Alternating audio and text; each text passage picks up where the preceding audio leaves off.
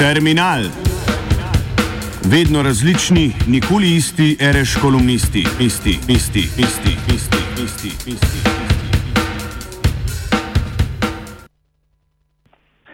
Še pred mesecem dni je bil nepogrešljiv, praktično povsod in za vsakogar. Če bi živel v Združenih državah in bi se znašel pred sodiščem, denimo zaradi pralnega stroja, kakor se je svoj čas v Sloveniji, bi bilo brščas nemogoče oblikovati poroto, saj to on stran velike luže lahko sestavljajo le osebe, ki o procesni zadevi ne vedo nič in jim tudi udeleženci pravde niso znani. Ne pretiravamo, če rečemo, da so si naši ljudje lahko bili v laseh le glede tega, ali se ljubljanski politični povdnevnik začenja pri tem ali onem vplivnežu oziroma mogočnežu, medtem ko je bilo vsakomor jasno, da se omenjeni meridian sklepa pri njem. Kako so se eni mučili, da bi ga označili kar najbolj prijazno in s kakšno ustrajnostjo so si drugi razbijali glavo, da bi ga zadeli v živo. Danes pa ga ni več nikjer. Ne v kaosu stvarnosti ne v virtualnem kozmosu. Še v vlogi zapolnjevalca strukturno praznega mesta ga nihče ne pogreša. Beseda seveda teče v Karlu Erjavcu.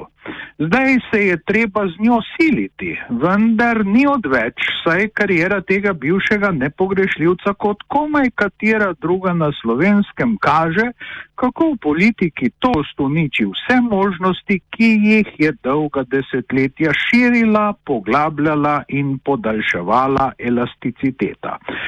Koordinate usodnega zavoja, na katerem je obtičal Erjavčev do nedavna nezaustavljivi Porsche, so in to je pri vsej zadevi najbolj presenetljivo že stare. Največ je k njihovemu definiranju prispeval Janko Kersnik, ki ni bil samo imeniten pisatelj, temveč tudi upoštevanja vreden politik.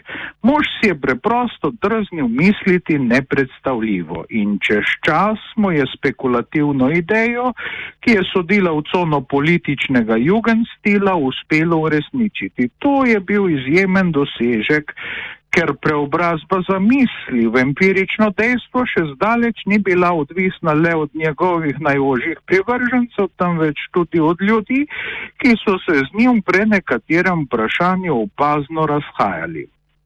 Skozi in skozi priljudni notar iz brdskega plemiškega gnezda, ki je v politiki poudarjal pomen mladostne elasticitete, je namreč bil pravi arhitekt zveze med slovenskimi liberalci ter Nemci in njihovimi renegatskimi podrepniki, ki se je ob, v obdobju vrhunca integralnega nacionalizma načeloma zdela nemogoča. Ta koalicija, ki je temeljila na tajnih pogodbah, je v razmerah, katerih okvir je ustvarjala s premoženskim stanjem in spolom glasovalcev omejena, ter potem še z izhodiščno neenakostjo začinjena volivna pravica za več kot deset let zadržala radikalno demokratizacijo in prevlado katoliškega tabora na Kranskem.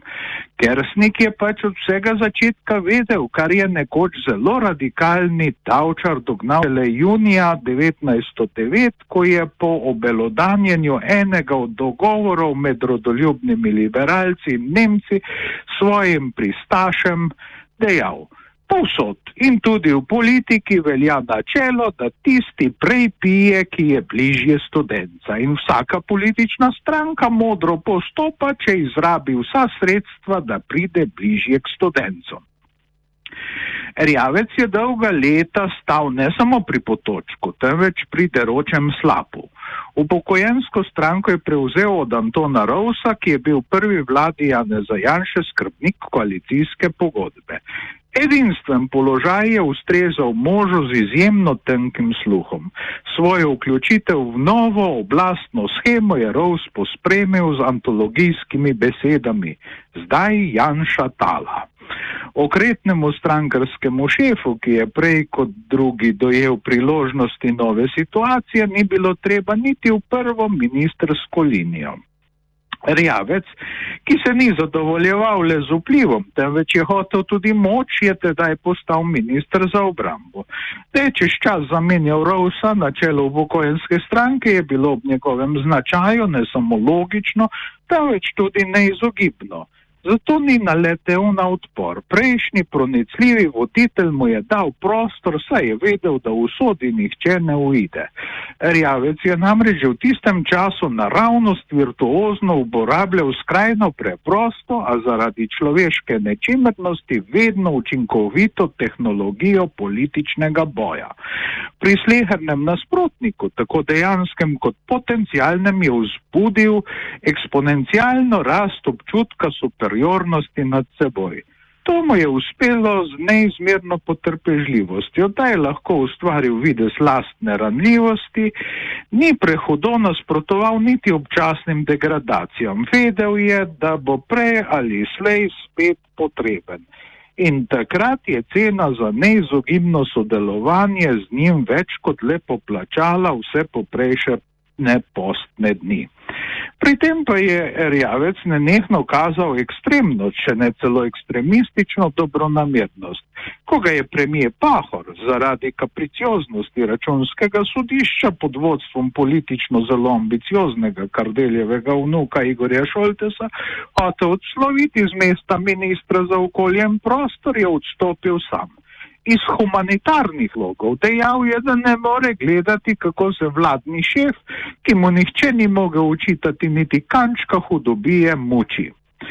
Tako je velikodušni rjavec, ki ni prenesel političnega sadizma, dosegel, da ga ni nihče jemal resno. Zato se mu nikoli ni bilo treba soočiti z neizprostnim odporom. Čeprav je ustal njegov predvoljivni slogan, vsi iz žalca za Karla Rjavca neuresničen, je v Ljubljani prosperiral. Iz besed sicer niso rasla dejanja, toliko bolj pa položaji. Elastični šef upokojenske stranke je z lahkoto odbijal slabo pripravljene napade nase in se uspenjal. Postal je minister za zunanje zadeve ter se potem zmagoslavno vrnil še v resor za obrambo a v tem času se je preobrazil predstavnika celo v emblem koncepta. Nihče ni Slovenije učinkoviteje od njega bližal Kremlju. To pa seveda ne pomeni, da je bil tudi arhitekt novega kurza. Vendar je prestop iz interesne politike v konceptualno rjavca spravil neznane in celo nevarne vode. Začel se je ukvarjati z ideologijo. Ko je nastopil kot ena od glav levega bloka, se je v njem skušal profilirati kot v ameriški angliščini bi rekli top banana. To je lahko storil le na ideološki ravni, saj je bil njegov partner Jankovič močnejši v vsakdanjostni pragmatiki. Odlej je Rjavca ni mogel nihče več podcenjevati. Pri nas namreč ideologija velja za tako resno stvar, kakor je v večini drugih dežel le empirija. Rjavec pa se je tudi moral soočiti s poslancem Polnarjem, čigar aristotelsko koncipirane politike nikomor ni mogoče zmotiti. Da je nebogljeni začetnik v ideološki sferi, ki se je togo oprijemal nekaj na novo odkritih načel, podlegel boju s prekaljenim veščakom na tem področju, za katerim je stala več kot 2000 letna tradicija, ni čudno. Končno je proti novi, docela neelastični izdaji Rjavca resno nastopil tudi njegov bivši šef Janez Janša in ga, postavljenega na čelo političnih kulakov, povozil v parlamentarnem duelu. Potem pa vse tiho je bilo, kakor vaškrčevi baladi Brodnik. Čeprav se nihče ni sramoval, da se je toliko ukvarjal z rjavcem, nerodno v naših dneh pač nikomor ni za nič, so se ljudje uvedli, da je bil trud zanj smešen in to je bilo usodno za sedaj že bivšega nepogrešljivca. Slehrnik namreč vsaj čuti, če že ve ne, da se v politiki prenese vse, le smešnosti ne. Terminal je pripravil Igor Grdina.